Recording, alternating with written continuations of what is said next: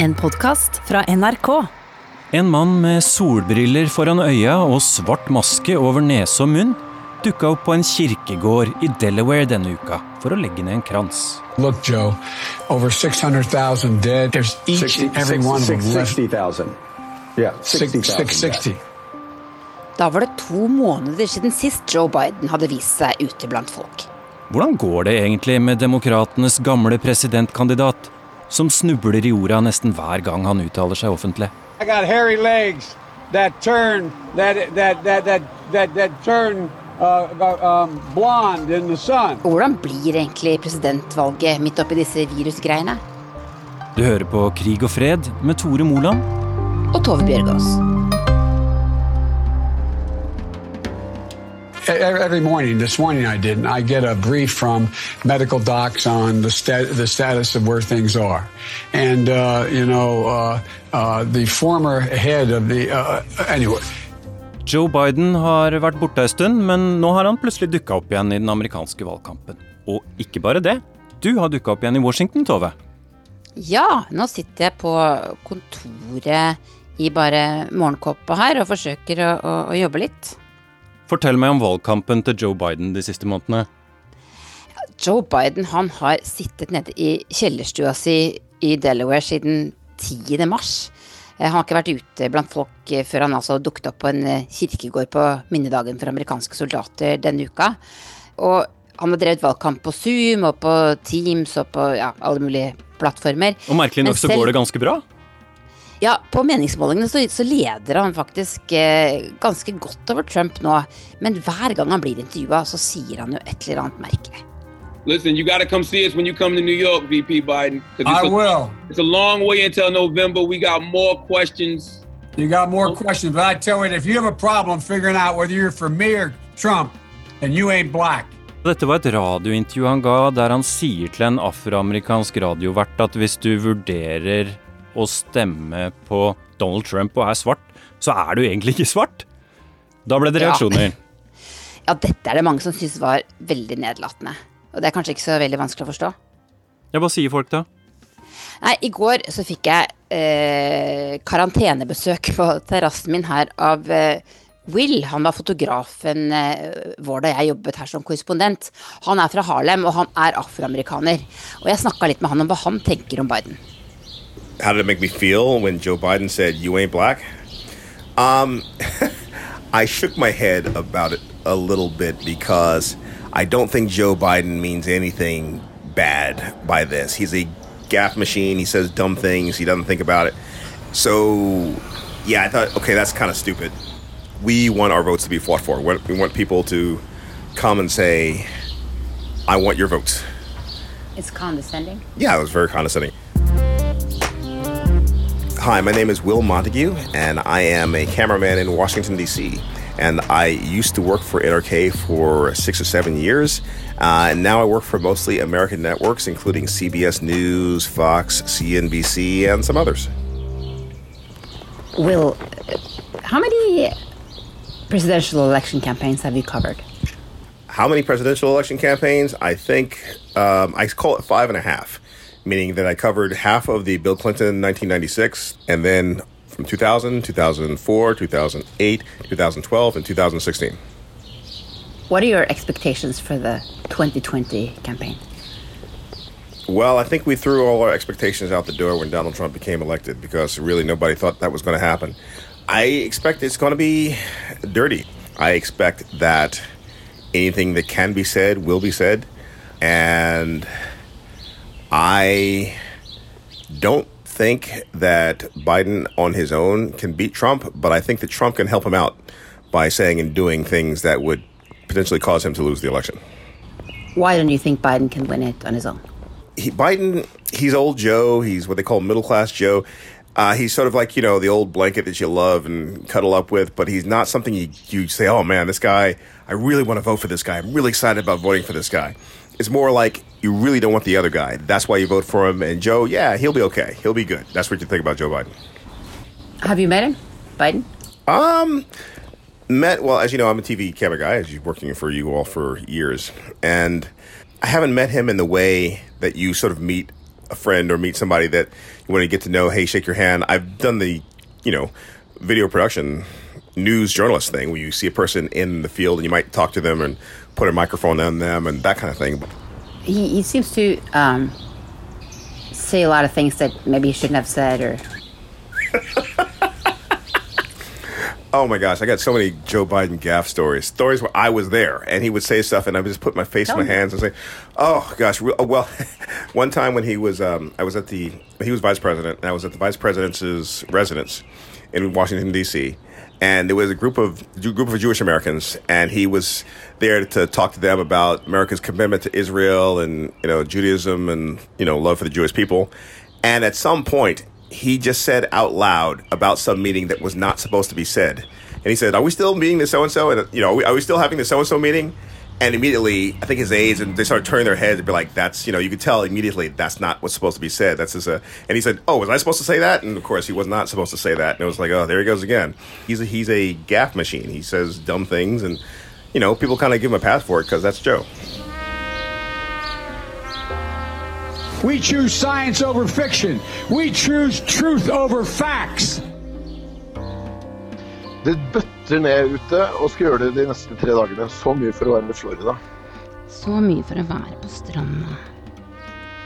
Jeg er Fredrik Resvik. Jeg er korrespondent i USA for TV 2. Jeg skal ut og bade selv om det regner. Det blir jo vått i året uansett, så det er ikke så farlig. Ja, hvor er du værende?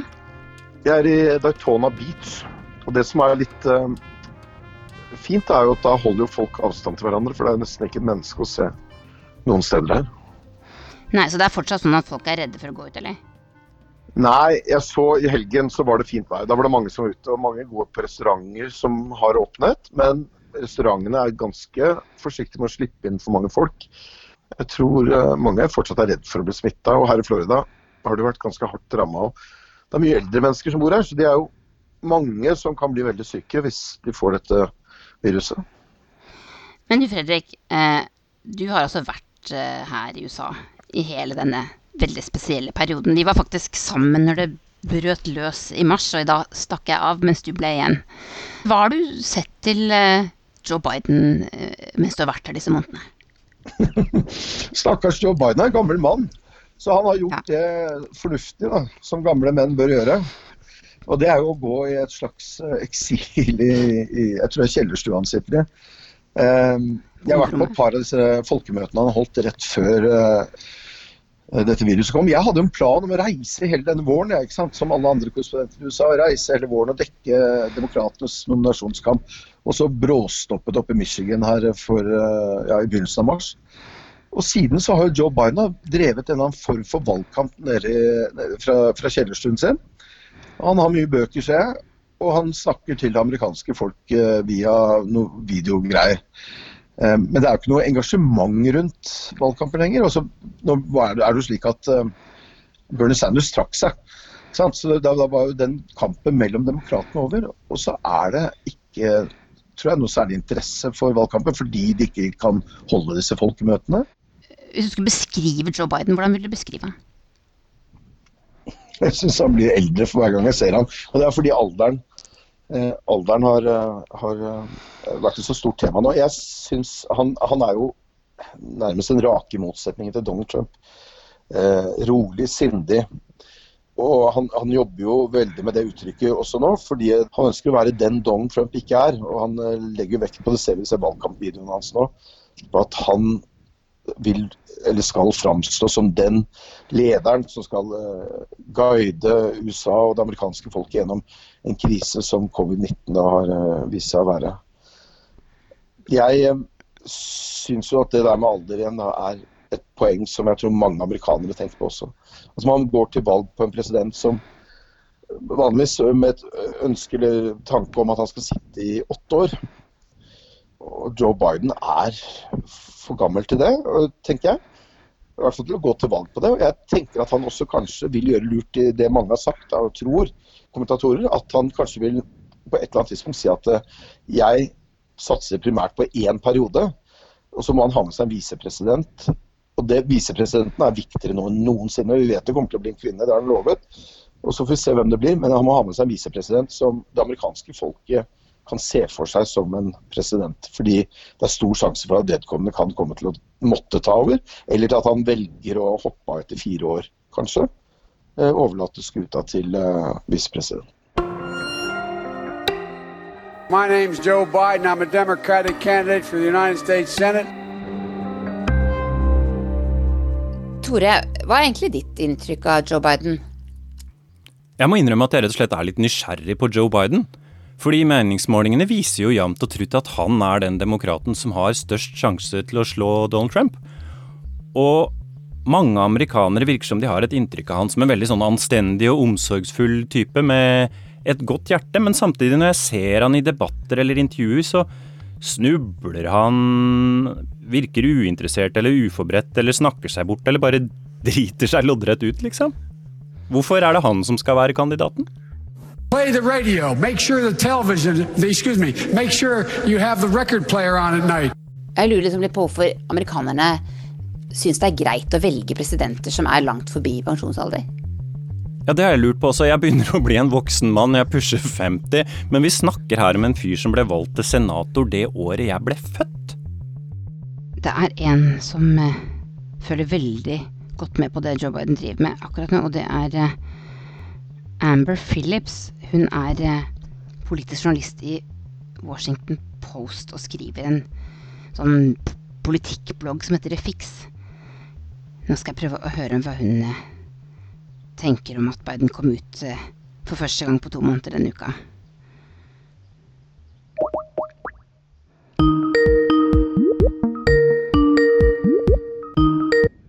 Hi, how are you? Hi, Amber. How are you? I'm good, thank you. Thank you so much for taking the time. Yeah, I'm happy to talk. How's it been this crazy couple of months? Um, yeah, it's been crazy, but I mean, sorry, I'm leaving away from my baby. Don't worry. But um, we have a baby and um, part-time childcare, so I can't complain. ah, so you're working from home a So- lot now, or? Working from yeah, the whole time. Yeah. No, there's nobody in the office at all. We are all asked to work from home. I know. I'm Amber Phillips. I'm a political reporter for the Washington Post. How old is she? She's 18 months. Oh. Um, we thought we had a plan to get her calmly out of the room for y- for this call, but it didn't work out. Okay. I know exactly how that is. Anyway, Okay, let's get right. started. Okay, I'm ready to so Amber, Biden is 77 years old, and every time I see him, he seems to forget something or say something wrong. Do you think he looks too old to be president? You know, it, it's tough to tell, um, especially when you're not out in front uh, watching him as a reporter. You're just you're seeing him on a screen. What I can say is that you you know there are some Democratic strategists in D.C. who theorize he might not run for a second term. That's a possibility because of his age, and if so, his vice presidential pick gets even more important. This week he came outside for the first time in, in two months. How significant was that? it was a significant moment because he and his wife Jill Biden have tried to embrace, uh, consciously tried to embrace the scientific community's recommendations, which is right now in America to stay as at home as much as possible. Biden is consciously trying to model uh, what they see as good public health behavior. Uh, politically, it's a way for him to contrast himself with President Trump, who has for months now really pushed reopening the country, uh, sometimes against public health experts' advice, and notably does not wear a mask in public, especially when he can be photographed. And so when they decided to go out, it was for Memorial Day. It was to put a wreath on a monument honoring uh, the veterans of the state where he lives in Delaware. And they both wore masks and were photographed. They didn't speak to anybody and then went back to their home where Biden has been this entire time. Trump is getting all this media attention during the pandemic, while we hardly see Biden.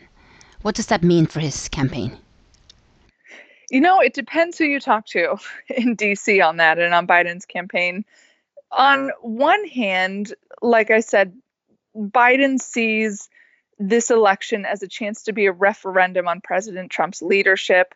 Uh, polls show Americans do not approve of the way President Trump has handled the coronavirus. And so there's this there's this way for Biden to kind of stay under the radar and let this be about Trump. Let Trump go out there and make statements like he did about injecting disinfectant into patients um, to try to kill the virus, for example.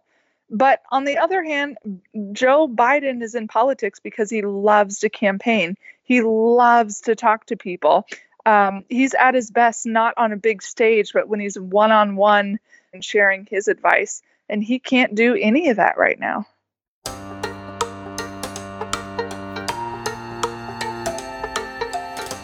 Men du Tove, en annen ting jeg lurer på. Det er liksom livshistorien til Joe Biden. Ja. Det virker som det henger en sånn mørk sky av sorg eh, over ham. Han har opplevd mye vondt. And I was down in Washington hiring my staff, and I got a phone call saying that uh, my family had been in an accident. My wife was dead, my daughter was dead, and I wasn't sure how my sons were going to make it. It was the first time in my career, my life, I realized someone could go out Først så mista han kona og dattera si i en trafikkulykke på 70-tallet. Og da ble også de to sønnene hans hardt skadd. Det var like før han ble senator, ble tatt i ed som senator. Og så døde den eldste sønnen hans av kreft mens han var visepresident. Og alt dette her har gjort at eh, mange amerikanere har en veldig sympati med Joe Biden.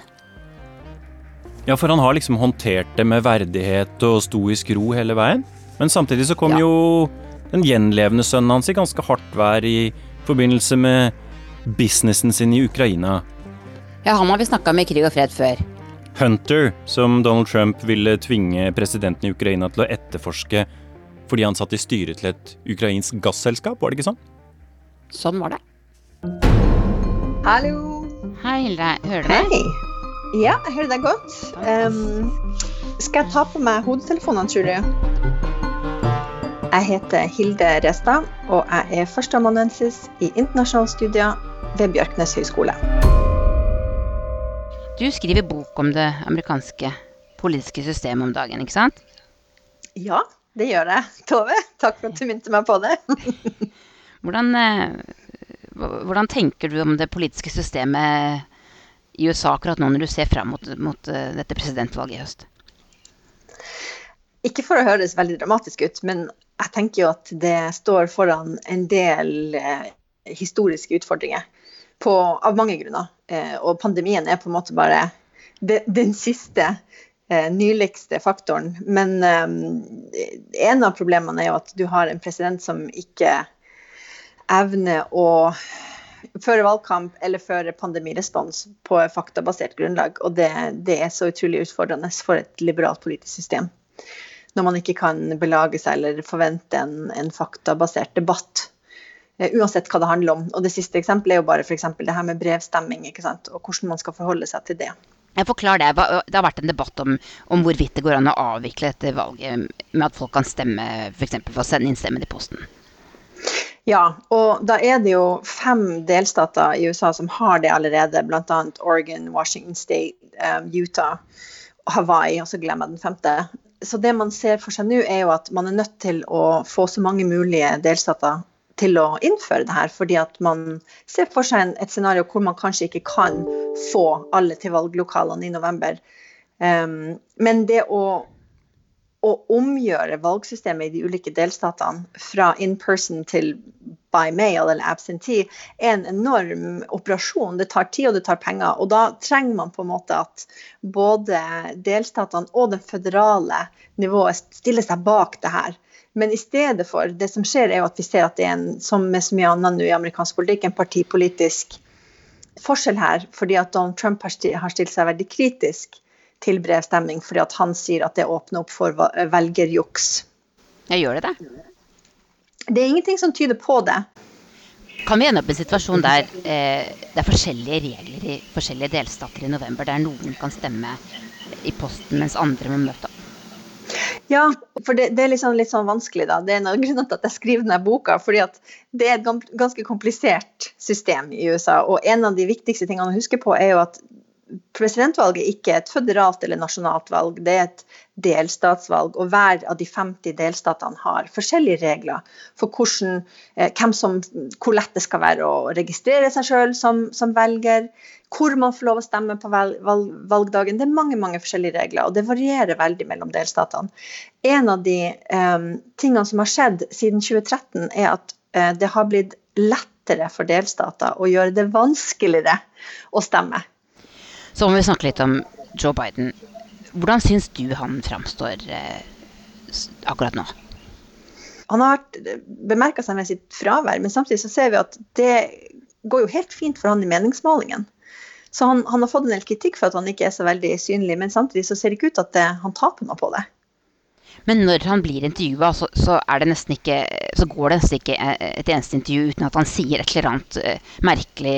Tenker du at han, at, at han rett og slett sliter med alderen, at han kan være dement? Jeg tenker at det er så vanskelig å, å, å skulle avgjøre sånt på avstand. Um, det ville åpenbart vært et problem for Joe Biden og Det demokratiske partiet hadde det ikke vært at motstanderen er en person som sier utrolig mye feil og usanne ting hele tida. Eh, og som stadig vekk blir tatt eh, i løgn og overdrivelser. Det kan godt være at Joe Biden sliter på ulike nivåer, om det er kognitivt eller, eller, med alder eller hva det skal være. Det vet jo ikke jeg, men samtidig så er kontrasten til Trump fortsatt fordelaktig for veldig mange amerikanske velgere. Well, we're on the campaign trail now, and everybody says, you know, Biden's hiding. Well, let me tell you something. We're, we're doing very well. Will, with this story unfolding now, I guess many of us report it as a major catastrophe in, in American history. Yep. How do you think it will end? How do I think it will end? Uh, I don't know. I've got no idea. I've got no idea. Um, we have a president who does not mind bending the truth, has uh, this, every belief that if he loses the election, may not step down. Um, we have uh, we have very uh, splitta. We're very divided in the United States, um, and oftentimes see through see things through a political lens, which seems to be the fan being flamed to do that. Um, so I think it doesn't end well. Well, two, two, one of two ways it ends. The, the coronavirus catastrophe free peters out and it's not much of an infection, and we go back to being angry and divided and raise this crescendo to something else bad happens, or major crisis happens, a lot more people die of either this or something else, and in the wreckage, people tend to come to better senses of themselves and come together a little bit more. I don't think it, I don't think people come together without some serious, terrible tragedy. Du har hørt Krig og fred, en podkast fra NRK Urix. Lydregien var ved Merete Antonsen. Is there anything you'd like to say in your other language? It's been a long time, but uh, tusen takk, Tove. I, uh, uh, det var um, veldig, uh, veldig hyggelig uh, uh, for deg til å snakke, snakke med meg. Det var det. Um, ja.